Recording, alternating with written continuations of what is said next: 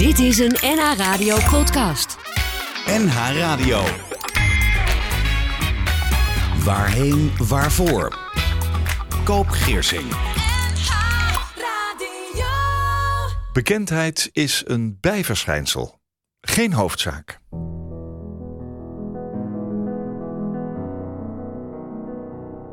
Je luistert naar NH Radio met Waarheen Waarvoor. Ik ben Koop Giersing. Fijn dat je luistert, waar dan ook. En dat kan live, maar ook via de podcast op je eigen tijdstip. En ook in deze aflevering spreek ik met een gast over leven en dood. Over persoonlijke ervaringen, over inspiratie, passie in het leven. En waarom iemand doet wat hij doet. En welke liedjes worden gespeeld tijdens haar of zijn eigen uitvaart. En waarom juist die. Mijn gast volgde de Kleinkunstacademie in Amsterdam, speelde in films, op televisie en als stemacteur. Op de planken speelde hij in toneelvoorstellingen en in musicals. Hij zingt, schrijft, noemt zichzelf vooral cabaretier. In februari start de voorstelling Eddy voor het leven. 30 jaar geleden speelde mijn gast de rol van Eddy in de tv-serie Vrienden voor het Leven. Nou, dat heeft hij geweten. Na drie decennia van tv-programma's, toneelstukken, cabaretvoorstellingen, musicals en operaconcerten is hij voor veel mensen nog steeds Edde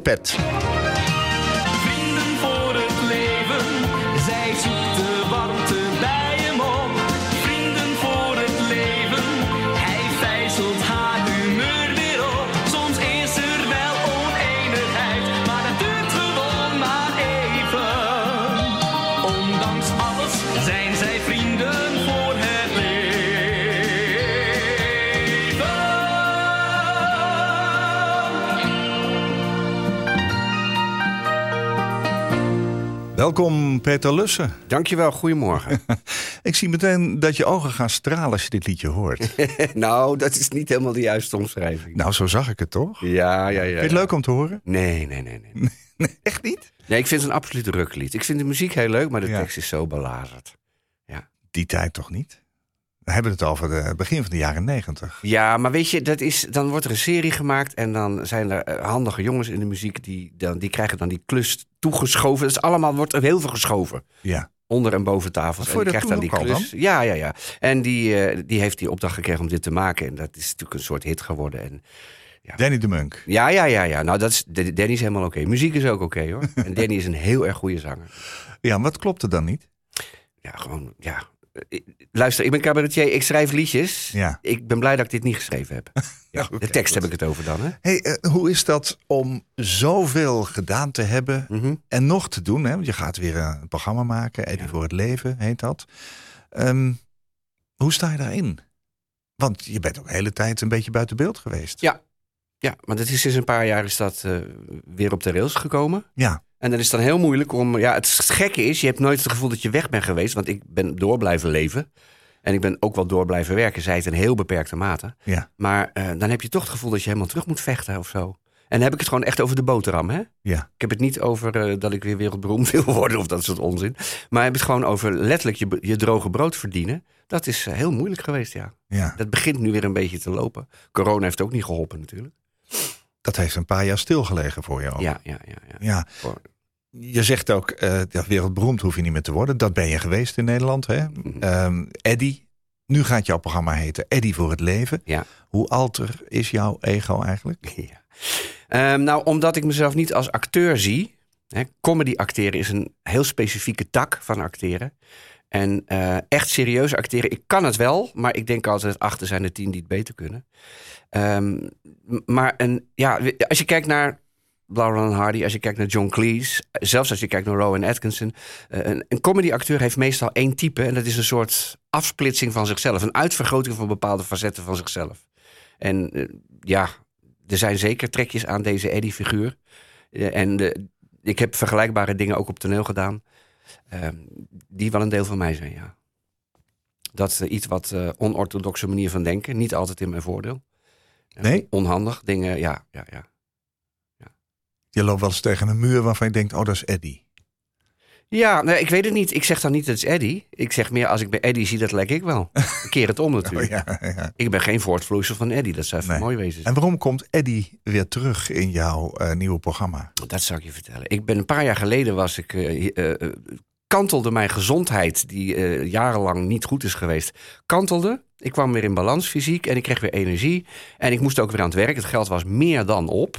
En ehm, toen sprak ik op een gegeven moment een, eh, iemand die even een evenementenbureau heeft. En die zei: Joh, weet je wat jij moet doen? Eh, je hebt topsporters die op, in het theater vertellen wat ze allemaal meegemaakt hebben. Die hun verhaal vertellen. Dat moet jij ook gaan doen, want dat heb je, je hebt zoveel meegemaakt. En toen dacht ik: Oh ja, dat is wel een idee, maar er gebeurt er nog niet zoveel. Een paar jaar later sprak ik de directeur van het theater in Roosendaal, Jan Heinz Sloesen. En ik had, daar wat experimentjes gedaan met hen. En dat is een ontzettend leuke man. En die zei ook, joh, weet je wat jij moet doen? En die kwam met hetzelfde verhaal. Ik dacht, oh ja, ja, wacht even. Nou, inmiddels was ik ook andere dingen gaan doen. eh, lezingen, eh, lezingen over humor. Ik was eh, comedy acteren, workshops aan het geven. Dan vertel je ook. Je vertelt over hoe comedy werkt enzovoort. En toen, een, denk een anderhalf jaar geleden, liep ik tegen Jeffrey Schenk op. Die nodigde mij uit voor zijn podcast en voor zijn regionale radioprogramma. En die zei ook, joh, weet je wat jij moet gaan doen? Hetzelfde. Maar hij zei erachteraan, dan ik ga het voor je produceren. En A, ik was rijp inmiddels. Ik was al lang weer fit genoeg en ik had ook weer de ambitie om hier iets echt te gaan doen.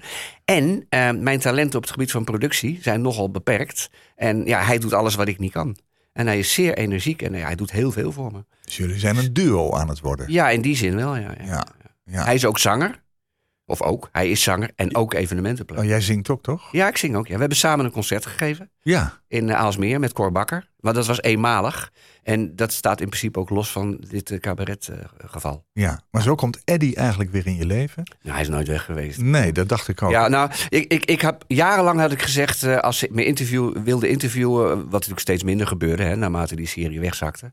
Ehm ga het niet over Eddie hebben, ga niet over vrienden voor het leven hebben, want je wil er een beetje los. Je wil niet daaraan gekoppeld blijven worden.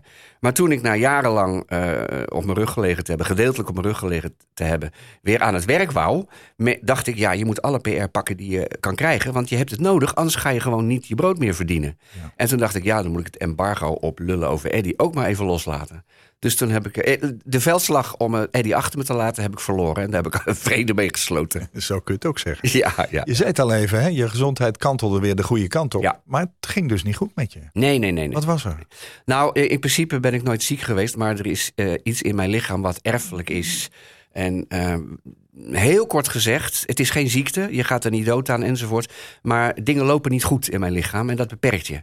En dat is tot daaraan toe. Maar als je daar geen rekening mee houdt en heel erg lang, heel erg hard, maar door blijft werken en Dat over, heb je alle gedaan. gren- ja, over alle grenzen heen gaat, dan is op een gegeven moment de ketel niet een beetje leeg, maar heel erg leeg. En dat heeft heel lang geduurd voordat, die, ja, voordat het weer ging kantelen. Ja. En wat gebeurde er met je dan? Nou, ja, gewoon kapot, moe, niet meer kunnen. Ook niks meer gedaan. Weinig, weinig. Ik werkte wel. En heel leuke dingen ook gedaan hoor. Bijvoorbeeld eh, kindertheater, Maar- Thomas de Stoomlocomotief. Ja, oh ja. dat, ja, dat was toch wel Ja. Thomas de Tank Engine. Ja. Maar dat kon je dan wel. Ja, maar we speelden twee voorstellingen op een dag meestal, soms drie. En die derde was me wel eens te veel. Het lijkt me sowieso heel veel, toch? Ja, is het ook. Ja, ja, ja. Ja. Dus je hebt eigenlijk je ziekte genegeerd. Het was geen ziekte. Nou, je hebt was- in ieder geval je situatie. De uitputting. Had het daarmee te maken ook? Nou ja, wat ik zeg, als je lichaam niet alles kan en je doet wel alles, dan houdt het een keer op. En als je dan lang genoeg toch nog doorzet, omdat, laat ik het zo zeggen, mijn geestelijke kracht is veel groter dan mijn lichamelijke kracht. Dus eh, je gaat over alle grenzen heen en je negeert alle signalen. En eh, op een gegeven moment is het klaar. Ja. Je spreekt over, hè, als je terugkijkt, eh, las ik in een interview, een bizarre carrière over Ja. een woelig leven. Ja. Wat was bizar en wat was woelig? Nou ja, ehm, dat is wel een heel, dat is een beetje een containervraag. Dus ik, ik zwem een beetje in de mogelijke antwoorden. Nou, probeer hem samen te vatten. Ja. Nou ja, eh, als je naar mijn cv kijkt. Dat kwam ik achter toen ik ehm, ruim een jaar geleden auditie deed voor de musical One. Er was een Amerikaanse regisseur bij en die, die, die, die had het over mijn eh, een bizarre cv. Het is zeer breed, zeer breed. En laat ik het zo zeggen, als je eh, beroemd wil zijn en een positie wil hebben en een inkomen wil zijn en een, eh, hebben, hebben en een ster wil zijn, dan kan je je beter enigszins beperken. Niet helemaal, Ja. maar enigszins beperken. Iets gefocuster werken. En dat vermogen heb ik niet. Dat, dat kun je zelf gewoon niet. Nee, nee. Nee. Nou ja, een even uit mijn blote hoofd zeg ik Paul de Leeuw. Nou, die is toch ook beslist veelzijdig. Maar er zit toch wel een lijn in. En die lijn zit er bij mij niet in. We hadden met Vrienden voor het Leven hadden we heel veel succes. En Joop van den Ende wilde eigenlijk niks liever dat ik die route trouw zou blijven. En dat is, eh, dat is niet mogelijk voor mij. Nee. Maar ben je dan zelf ook gestopt destijds? Ja, ja, ja, ja. Ik heb gezegd, nou moeten we maar stoppen. Maar Uit het wel succes gestapt eigenlijk. Ja, ja, ik had het gevoel dat de serie niet meer beter zou worden. En ik denk, als, als het een beetje op is, en niet van uitputting, maar dat je denkt, ja, ik kan niet twintig jaar hetzelfde doen. Ik kan niet hetzelfde liedje blijven draaien. En ik wilde ook wel bij zeggen, van, het klinkt nu wel heel stoer, ik heb de stekker eruit getrokken, maar alle collega's waren het er volledig mee eens. Het was niemand Koek was op. Ja, nou ja, ja, het ging niet fout, maar je weet gewoon, het wordt niet beter. Nee. En als we door blijven gaan om het succes in stand te houden, dan wordt het succes hoofdzaak. En dat is het niet, in mijn ogen. En ja, dan weet je ook dat de kwaliteit achteruit gaat. Ja, het was heel succesvol. Je werd overal herkend. Eh, Je was ook overal. Als zoiets dan wegvalt, Mhm. hè, ook al zeg je zelf van ja, dat, we moeten niet verder gaan. Mhm. Hoe gaat het dan met je van binnen? Ga je dat missen ook? Nee. Heb jij dat gemist? Nee. Niet. Eh, Als je zegt, heb je het succes of de herkenning of de roem gemist? Nee, nee, maar het, het, het met zo'n team bezig zijn, het maken, het creëren. Ja, maar dat is wel inherent aan ons vak natuurlijk. Ja, dat snap ik dat je dat zegt. Ieder, maar ieder seizoen heb je weer een stel, als je in het theater staat, ieder seizoen heb je een stel nieuwe collega's, dan neem je weer afscheid van. Ja, En bijvoorbeeld mijn allereerste voorstelling, dat is in 1981, daar zat ene Serge Henri Valken in.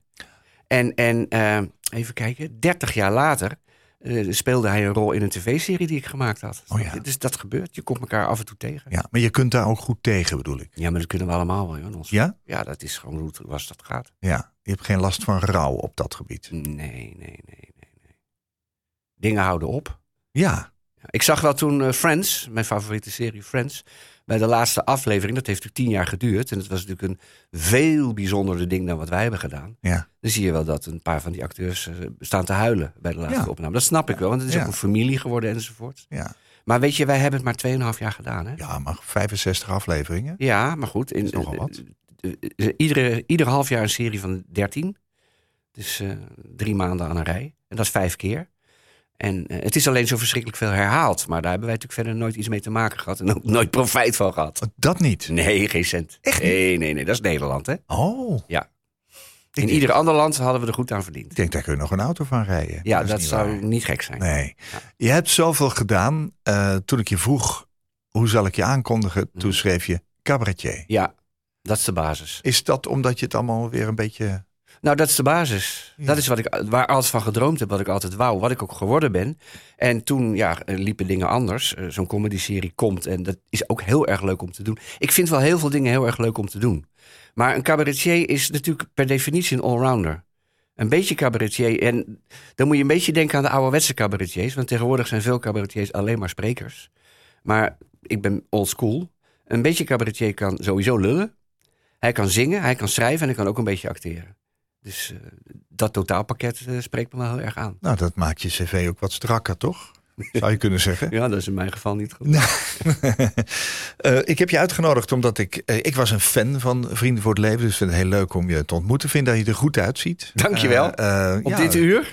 Op dit uur ook. Maar Om 11 ook uur zie ik er beter uit, tegelijkertijd, Dan wachten we dat nog even af. Maar ook in, in zekere zin, omdat ik je natuurlijk ken uit de tv-serie. Ja. En ook voor eh, dit programma even een paar weer heb teruggekeken. En ik denk, ja, je bent natuurlijk iets rijper geworden. Maar je hebt nog diezelfde guitige oogjes en, en, en de lach op je gezicht. Dat vind ik mooi. Maar ik heb je ook uitgenodigd omdat ik eh, las dat je op de een of andere manier iets met de dood hebt. Ja. Wat heb je en hoe lang heb je dat al? Ehm,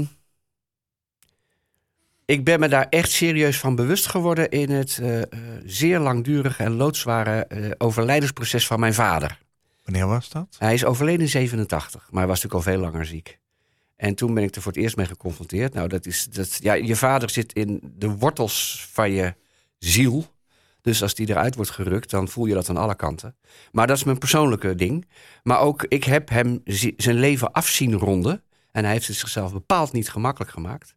En ehm, het, is, het, is een, eh, eh, het is een overgang.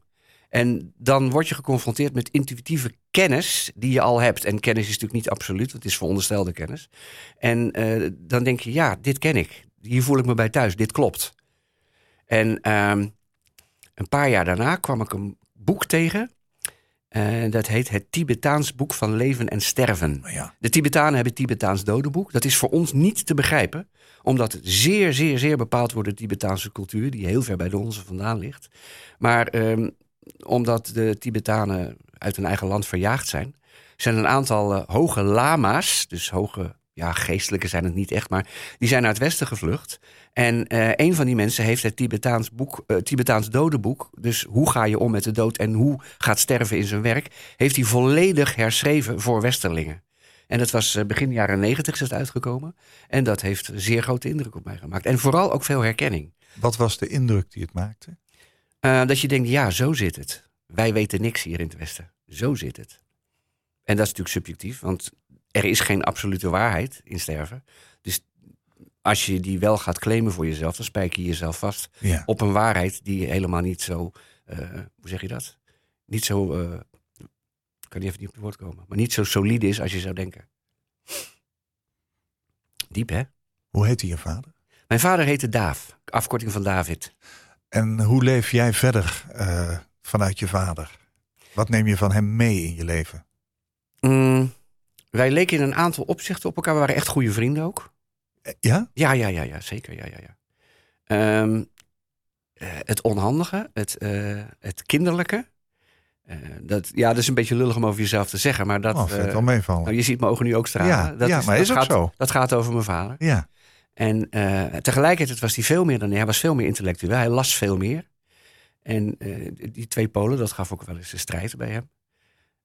steunde hij de keuze die je gemaakt had in het leven? Oh, zeer. Ja? Zeer, ja, ja. ja. Ja, je was net begonnen eigenlijk, hè? Ja. Toen hij ziek werd en, Ja. en overleed. Ben je bij zijn overlijden geweest? Ja, ja, ja, ja, ja.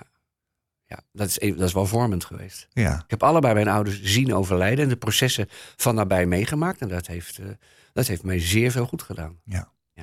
Peter Lussen is mijn gast in Waarheen Waarvoor op NH Radio. Hij is cabaretier, maar ook spreker, coach, schrijver, vertaler, acteur, presentator, zanger, danser. Nou, dansen niet hoor. Dat moet Je hebt het wel ergens opgeschreven. Je schrijft blogs, maakt filmpjes op YouTube. Hij is trouwambtenaar, een rouwspreker. Dat lijken twee uitersten, maar volgens Peter ligt dat heel dicht bij elkaar. Ja. Hij vindt het fijn zijn ervaring en vaardigheden in te kunnen zetten om een bijdrage te leveren op momenten dat het er toe doet. En die momenten kent hij ook in zijn eigen leven. We hadden het over Daaf, je vader, je vriend. Ja. Ehm, je moeder is ook overleden, maar Ja. later. 2014. En ehm, de dood van je vader heeft nogal impact gehad. Ja, zeker. Ja, ja. Wat, wat heeft dat met je gedaan? Nou, kijk, om te beginnen, eh, hij was de eerste van. Wij, wij komen uit twee katholieke families, dus er zijn enorm veel familieleden. Hij was de oudste zoon van elf. Ja. Hij zorgde voor alles en iedereen, want zijn vader, mijn opa, zat op zee.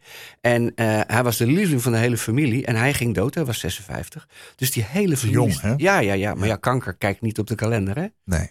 Dus ehm, dat had een enorme impact. En ik was 27 en ja, je kunt zonder je vader dan. Maar het is wel vroeg. Dus het heeft een enorme indruk gemaakt. En hij heeft het echt heel erg zwaar gehad. Echt een heel erg zwaar eh, ziekbed gehad. Dus dat had nogal impact. Kon je hem helpen? Ehm, Kon je, kon je er voor hem zijn? Ja, in beperkte mate. Eh, ik had nog veel te leren. En eh, mijn vader heeft, het ook redelijk, heeft zich redelijk afgesloten. Voor de, voor, de, voor de impact van de buitenwereld. Hoe dan? Ehm, hij liet niet mensen erg toe in het proces wat hij voor zichzelf aan het uitvechten was. Nee. En ik heb hem een klein beetje, ik hoop hem een klein beetje te kunnen hel- hebben kunnen helpen. Door eh, op momenten dat er wat conflicten waren, eh, solidair aan, eh, onvoorwaardelijk solidair aan te zijn. Beetje cryptisch dit, maar. Nee, je bent voor hem gaan staan waar het nodig ja, ja, was. ja, ja. ja. En je moeder? Mijn moeder is in 2014 overleden. Dat is natuurlijk compleet anders. Ik was twee keer zo oud, ik was 54. Ja. En mijn moeder was eh buitengewoon jong, buitengewoon vitaal, buitengewoon fris, buitengewoon krachtig. En ehm, die kreeg ook kanker. En dat was eh, behoorlijk bedreigend en gevaarlijk, want je hebt natuurlijk verschillende soorten. Lang niet iedereen gaat dood aan kanker. Nee. En ehm, ik weet nog, het, nou laat ik het zo zeggen, ik was niet goed met mijn moeder. Dat was een zeer conflictueuze relatie. En de laatste twintig jaar was die al vrij cool geweest, omdat ik afstand had genomen. En toen hoorde ik van haar dat ze, dus, dat ze er slecht voor stond. En toen ging ik, dat was de dag voor de verjaardag. En toen ging ik de dag daarna, op haar verjaardag, kwam ik langs. En dat deed ik eigenlijk nooit. Dus eh, ze deed de deur open. Hé hey Peter, met bloemen. Ik zei, ja, kanker met uitzaaiingen, dat moeten we vieren. En dan moet ik er gelijk even bij zeggen dat, ja, ik ben niet voor niks komiek geworden. Humor als een manier om met dingen om te gaan zit in mijn DNA. En Ja. dat DNA is ook van mijn Jouw manier om dingen te zeggen. Ja, zeker. Maar niet Ja. alleen de mijne, ook die van onze hele familie. Ja, je moeder begreep dat ook meteen. Oh ja, natuurlijk. Die, die vond het alleen maar leuk. Ja. Want anders maak je zo'n grap natuurlijk ook niet Nee, op zo'n maar- moment. Dat contact was dus weg. Dan, Ja. dan sta je daar in één keer met een bos bloemen voor de deur. Hoe was dat? Nou ja, eh, dat, eh, ik merkte dat ik merkte twee dingen. Op de eerste plaats, eh, wat ik al zei, ze was nogal gezond en sterk. Dus ik denk dat ze zeker een kans had gehad om te overleven. Maar ik zag aan haar ogen, jij gaat weg. Ik zag dat ze heel diep van binnen een beslissing had genomen. En die was ze zichzelf niet bewust. Want ze heeft heel lang, heel lang volgehouden. Ik ga het overwinnen. Ik krijg Ja. het voor elkaar. Ja. En hoe zou ik het zeggen, rationeel gesproken was er alle reden toe om dat te denken. En ehm, dat was het ene. En het andere wat ik merkte is, was dat in een bepaalde opzichten eh, eh, om was geslagen. Als een blad aan een boom. De trekken waar ik niet mee om kon gaan, die, eh, die waren verdwenen. En ze was heel anders geworden. Heel open, heel zacht. Ja. En ik heb eigenlijk toen, ze heeft nog een jaar en twee weken geleefd. Echt letterlijk op de dag af. En ik heb toen, dat jaar en die twee weken, heb ik een heel goede relatie met haar gehad. Dus ik heb, en we hebben het heel goed alles uitgewerkt en Ik wil zeggen, heb je, heb, je, heb je het dan ook over die tijd gehad dat je elkaar niet wilde zien? Ja, maar heel open. Heel makkelijk, heel open. Het is helemaal niet. Er zijn geen drama's uitgesproken, want die waren er niet. Maar eh, het was gewoon heel open. En we hebben heel veel contact gehad. En ja, ik kan niet anders zeggen dan dat ik eh, in dat laatste jaar heel veel van mijn moeder heb kunnen houden. Wat daarvoor echt niet mo- mogelijk was. Nee. En dat we dus zeer goed en zeer, eh, eh, hoe zeg je dat? Clean afscheid genomen hebben. Ja, dus, een paar dagen voor ze echt dood ging, toen sloeg ze zelf ook om. Toen zei ze ook, ik wil dood en wel nu. Letterlijk zei ze dat. Ja. En ehm, toen was het ook echt van, eh, wij zijn toch klaar, hè? alles is toch opgeruimd tussen ons. Hè? Is er nog iets? Ik zei, nee hoor, zei, als je over één minuut doodgaat, gaan we goed uit elkaar. oh, wat fijn. En drie dagen later was ze dood. Ja. Goh, dat is ook al heel bijzonder. Dus Ja, haar ziekte en haar doodgaan, dat heeft jou ook wel getriggerd om toch dat contact weer te leggen. ehm, Jij wist niet dat zij veranderd was. jawel, dat wist ik wel, want dat merkte je aan alles. Ja, to- toen je er was. Ja. Maar daarvoor. Nee, maar ja, wat ik zei, eh, de dag voor de verjaardag eh, belde ze op. Nou, ik heb de uitslag en het is niet goed. En het is dit en dat en het, is- Ah, ja. het ziet, er, ziet er slecht uit. Ja. En de dag daarna stond ik op de stoep en ik kreeg direct de signalen. Ja. De signalen in de ogen. En, en dat, was ook, dat is ook nog apart. Ehm, ze ging het eh, chemotraject in. En wij zijn nogal van alternatief. Dus ik zei, joh, weet je zeker dat je dat traject wil lopen? Weet je zeker dat je niet in de alternatieve hoek wil gaan zoeken? Ja. Zei, toen zei ze, ja, maar ik wil het toch zo. Oké, klaar. Het is haar route. En eh, die chemo's, die waren heel zwaar, maar die heeft ze eigenlijk vrij goed doorstaan, omdat ze zo sterk was. De operatie is eh, een jubelend succes geweest. En eh, toen dacht ik, oké, dan heb ik me kennelijk vergist en gaat ze niet. En ehm, zes weken later was het helemaal foute boel. En dat is, maar dat is mijn lekenuitleg. ehm, je kunt niet alles weghalen met een operatie. Micrometastase, hè, dus uitzaaiing op microscopisch niveau, die krijg je niet weg met een eh, scalpel. Dus, en eh, door de chemo is je hele immuunsysteem weg. Dus in één klap, wam, was het eh, volkomen uitgezaaid all over the place. En toen eh, zag ik weer in de ogen, oh ja. ja. En dat was, ook, dat was al de laatste periode van een paar weken. ja. Heb je met je vader ook alles kunnen bespreken? Nee, veel minder, omdat hij zich dus zo afschermde. Ook naar jou toe. Ja, naar alles en iedereen toe. Ja. Ja. Ik kon wel dichterbij komen door, doordat ik zo open mogelijk was. Ja. Maar ja, weet je, het punt is gewoon, eh, een overlijden is een proces. Volgens de Tibetanen, heb je ze weer, eh, is dat proces hetzelfde als je onder de trein komt en in 0,1 seconde overlijdt. Gebeuren, vinden dezelfde stappen plaats, alleen dan heel erg snel op elkaar. Maar goed, dat is dus niet een proces waar je iets in elkaar kunt delen, eh, met elkaar kunt delen. Maar mijn vader was, dat had een heel lang overlijdensproces. En dan spelen ook familiepatronen komen daarin naar boven. Zoals? Ja, dat dat is erg abstract om dat te zeggen. En eh, een bepaalde discretie naar het huwelijk van mijn ouders toe wil ik hier ook even in acht nemen. Ook na al die jaren. Oké. Ja, dus daar trek ik even een grens. En ik zie aan je gezicht dat je dat respecteert. Ja, zeker. Wat ik zeer op prijs Ja, ja, wel. ja, ja, Je, je zei, ik, ik, ik sta overal open voor. Ja, zeker. Ja, ja, het wel ja, ja, fijn dat je aangeeft waar wel en waar niet. Ja. Ehm, maar wat ik eigenlijk een beetje wil weten is... jij was bevriend met je vader. Ja. Hè? Dat, dat zeg je. Met je moeder had je een andere relatie. Ja. En toch heb je in een lang proces niet datgene kunnen bespreken met hem... wat je wel met je moeder kon opruimen of Ja. zo. Als je dat nou met terugwerkende kracht bekijkt... wat had je hem dan nog heel graag willen zeggen?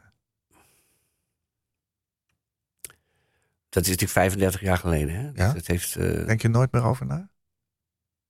niet heel veel. Nee. Op een gegeven moment is het ook wel klaar natuurlijk. Ja. Ehm, ik ben inmiddels een stuk ouder dan mijn vader geworden is. Ja. Dat, dat is wel een momentje even. Ja, geloof ik. Ja. En ehm, als je het hebt over familieprocessen. eh, er zijn lijnen die door generaties heen lopen. En op een gegeven moment merk ik wel dat ik bepaalde dingen tegenkom die mijn vader ook tegengekomen is. En het vermoeden dat mijn opa dat ook had, maar dat weet je niet. Nee. Dus dat zijn wel interessante dingen. Ja. Maar de vraag was, wat, had ik hem, wat zou ik hem, als het nu opnieuw zou gebeuren, wat zou ik hem dan zeggen? Dan zou ik zeker geprobeerd hebben dichter bij hem te komen. Maar dan had hij zich wel veilig moeten voelen, snap je?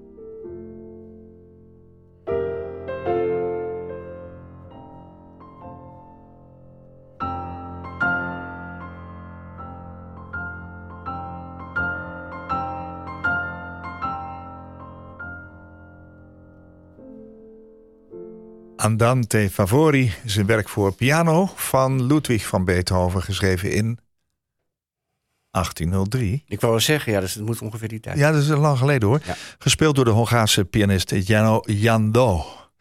En ik vroeg jou, neem nou eens drie liedjes mee. Ja, dat was een groot probleem. op jouw ja. eigen uitvaart gedraaid moeten worden. ja, en toen zei je, "Pff, dat is een lastige. Geen gedoe, zeg je. Dus Ja. wat mij betreft ook geen liedjes. En toen kwam je toch met deze. Ja, nou, eh, je had dat gevraagd en ik wilde je vragen wel beantwoorden. Het punt is gewoon dat ik eh, ehm, vind het eh, heel geweldig en ik denk dat ik ook dat kan. Een bijdrage leveren aan het afscheid van iemand. En dat, is dat hoef ik jou niet te vertellen als uitvaartsondernemer. Dat is zeer dienstbaar werk. Ja. Dat doe ik heel graag. Maar ten aanzien van mijn eigen begrafenis, daar sta ik toch heel anders in. Ja? Ja. Hoe denk je daarover dan? Want Nou, eigenlijk, ook over je vader en je moeder. Hoe heette je moeder? Joker. Joker. Ja. Daar heb je over verteld. Ja. Eh, je hebt eh, die processen ook begeleid. Je Ja. hebt ook gesprekken gehad. Ja. Maar je denkt toch ergens misschien ooit wel een keertje van... en, en ik dan? Ja, tuurlijk denk je dat. Ja. Maar dat wat denk je daar dan over? Daar denk ik al mijn halve leven over na. Nou, ehm, over de dood of over de uitvaart? Jou, jou, ja, als je doodgaat, komt er een uitvaart. Of je het went of hoe het went of keert. Ja, maar dat een- is natuurlijk wel na mijn dood, snap je? Ja, ja, laat je dat dan over aan een ander. Nou, dat, daar ben ik, eigenlijk ben ik een klein beetje bezig met te verkennen met wat ik daar nou precies mee wil. Want ik wil het op een gegeven moment wel op papier hebben. En ik heb nog niet het gevoel dat ik op het punt sta het hoekje om te gaan. Maar A, je weet het niet. Nee. En B, ik ben geen twintig meer natuurlijk. Nee.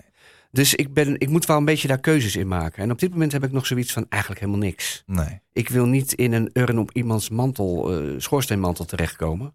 En ehm, eh, Zou het een crematie worden dan? nou, kijk, een begrafenis betekent dat je ergens eh, onder een steen ligt. Een plekje? En dat, ik wil eigenlijk wel heel erg verdwijnen. Als ik, als ik dood ben, is het klaar. Ja. En ehm, dat heb ik dan ook weer van de Tibetanen overgehouden. Eh, rondom je dood, rust en stilte. De Tibetanen laten traditioneel, ik weet niet of ze dat nu nog doen, laten een lichaam ook drie dagen liggen, omdat volgens hun leer heeft de geest drie dagen nodig om van het lichaam Ja. los te komen. Antroposofen doen Ja. dat ook. Ja, ja, goed. Ja, dat, Ja. dat zal zeker een zekere kruisbestuiving hebben Ja, ja, ja. En eh, daar ben ik wel erg van. Ik ben erg van lapen met rust. Alleen ik merk dat dat nog niet helemaal zuiver is. Dus ik heb het nog niet op een rijtje. Nee, nou, Maar dat vandaar dat ik het hoor. moeilijk vond om nummers uit te zoeken op jouw verzoek. Wat wil je draaien op je begrafenis? Waarom dan dit? Eh, omdat dit nu- nummer eh, me zeer aan het hart ligt. Ja. En eh, ik vind het trouwens heel stoer dat je een, lied, een, een nummer van meer dan acht minuten draait in een radioprogramma. Ben ik niet gewend. Ehm, omdat het wel heel erg, ja, het klinkt een beetje hysterisch en een beetje theatraal. Maar dit is wel een klein beetje wie ik ben. Nou ja, je zingt. Ja. Ook opera. Ja, Musical. ja. Ga je meteen laag in je stem Ja. zitten? Ja. Eh, Wat doet zo'n werk met jou? Want ik zag wel dat je je koptelefoon even opliet. Ook, Ja. Om even echt in dat stuk te komen. kwam ook net na dat verhaal van je moeder. Ja. Maar wat, wat doet zoiets? Je hebt zelf fluit gespeeld. Hè? Ja, Een ja, beetje ooit. horen nog. Ja, ja, ja, ja. Ja, een relatie gehad met een hornist. ja, ja zeker. ik. Ja, ja, ja, ja. Dus in de muziek, in de klassieke muziek zit je wel. Maar waar raakt iets dan? Ja, muziek. Ja, dat vind ik moeilijk. Ehm, als je dat in woorden kon zeggen, had je geen muziek nodig natuurlijk. Muziek, eh, muziek eh, stroomt door kanalen die niet rationeel zijn. Oh ja. Ja, dus toch je gevoel. Kan net op een tegeltje, denk ik. Die zin. Ja, dat is een mooie. Ja. We gaan naar een nieuwe voorstelling. Eddie Ja. voor het leven is een Ja. avond met humor over humor, over voorspoed, maar ook over tegenwind. Tuurlijk. Noem eens twee momenten uit je leven die er qua voorspoed en tegenwind echt toe deden. Ehm, eh, ehm, als je dromen uitkomen, dat is de voorspoed. Dat is al gebeurd, hè? Ja, ja, ja, al heel lang geleden Ja. En de tegenwind is als je merkt dat, dat, dat door die, als die dromen uitkomen, dat het ook gelijk klaar is. Nou, korter kan ik het niet zeggen. Hoe ga je met die tegenwind om dan? Want je bent ook wel heel rationeel. Hè? Je, je verklaart gewoon, ja, maar iets stopt een keer. Ja, Is nou, ik weet niet rationeel is. Ik zou dat zelf liever graag omschrijven als nuchter. Ja, noem het zoals je wil. Maar het- het heb je geen buikpijn van dan? Waarvan? Nou, van iets wat je, wat je los hebt gelaten, wat je met zoveel liefde gedaan hebt. Nee. Eh, Of wat je niet meer kunt omdat je een kwaal hebt, waardoor je op je rug moet liggen bijvoorbeeld. Ja. Nee, geen buikpijn. Nee. Nee, je bent dus eigenlijk een heel opgeruimd mens. Eh, Nou, opgeruimd is wel een mooi sleutelwoord. Ja. Ik vind dat het wel een goed idee is om dingen op te ruimen. En ook als je het over een stervensproces hebt, dat gaat ook over opruimen. Ja, Wat moet er nog gebeuren voor je kan gaan? Ik zie eh, als eh, mantelzorger, wat ik in coronatijd ben gaan doen, kom ik ook wel in een instelling waar mensen zitten, heel hoogbejaarde mensen die heel veel, heel zware dementie hebben. En dan denk ik, wat moet. Je ziet soms dat je denkt, waarom gaan die mensen nog niet? Je hoort heel vaak, ja, ik ga naar huis en dan gaan ze lopen. En dan weten ze natuurlijk niet waar ze zijn, dus dan komen ze op dezelfde plek uit. Ja. Maar ik vat dat ik ga naar huis dan toch op als metaforisch.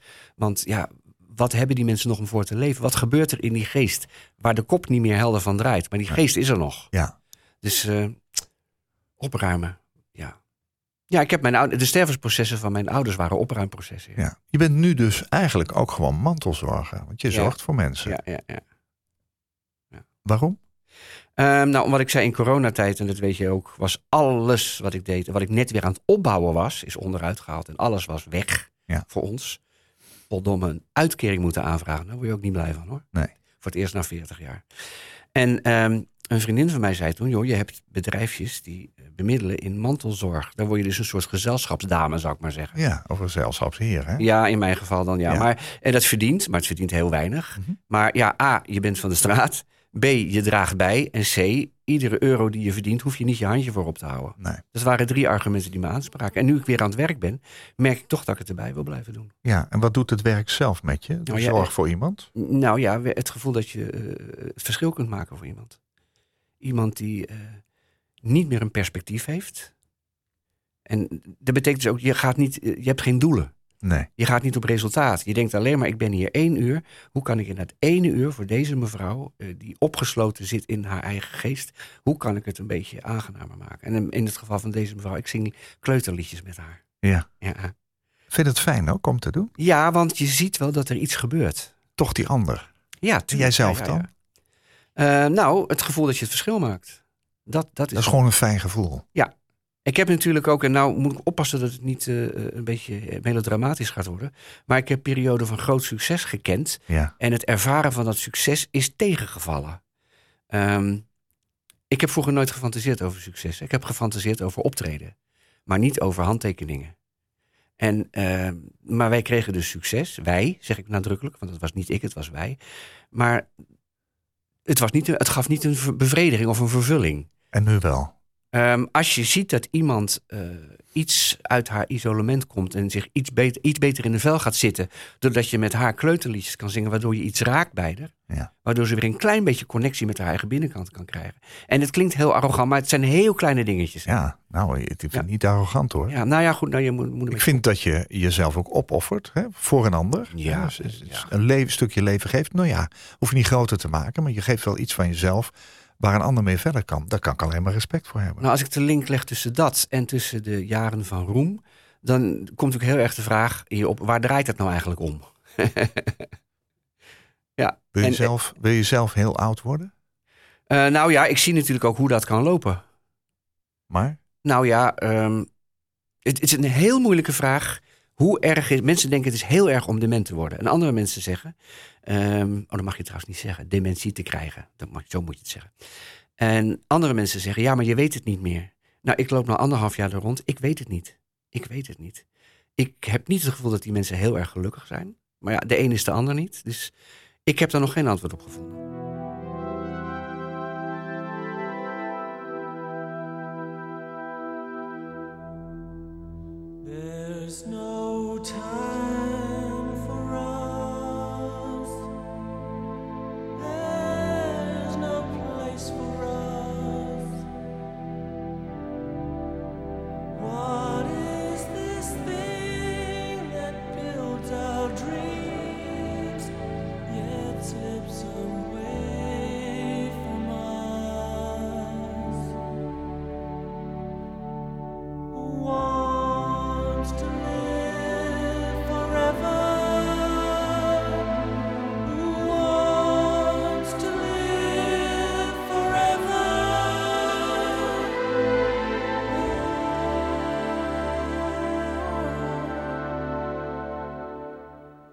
There's no chance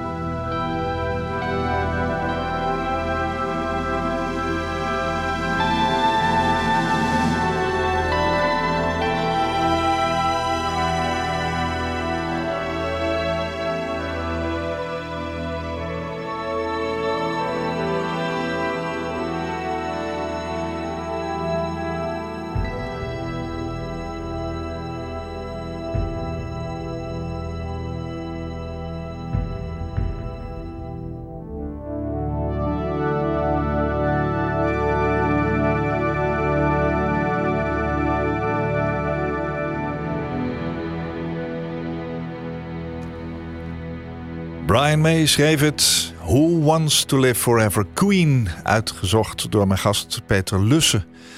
Dat komt van het album A Kind of Magic uit 1986. Toen leefde jouw vader nog. Nog net. Ja. Denk jij ook zo? Als je dat soort data hoort? Of Ja, ik ben ik sowieso denkt, oh, erg van de cijfers en de data. Ja, Toen zat ik daar in mijn leven of Ja, toen ja, ja, leefde ja, die ja. nog of zo. Ja. Ja. Ja, jouw nieuwe programma Ja. start in februari, begrijp ik. Met een eh, aantal try-out voorstellingen. Dan ga je eigenlijk een beetje het land door. Ik ga je zeker zien, want Wat ik leuk. ben nieuwsgierig.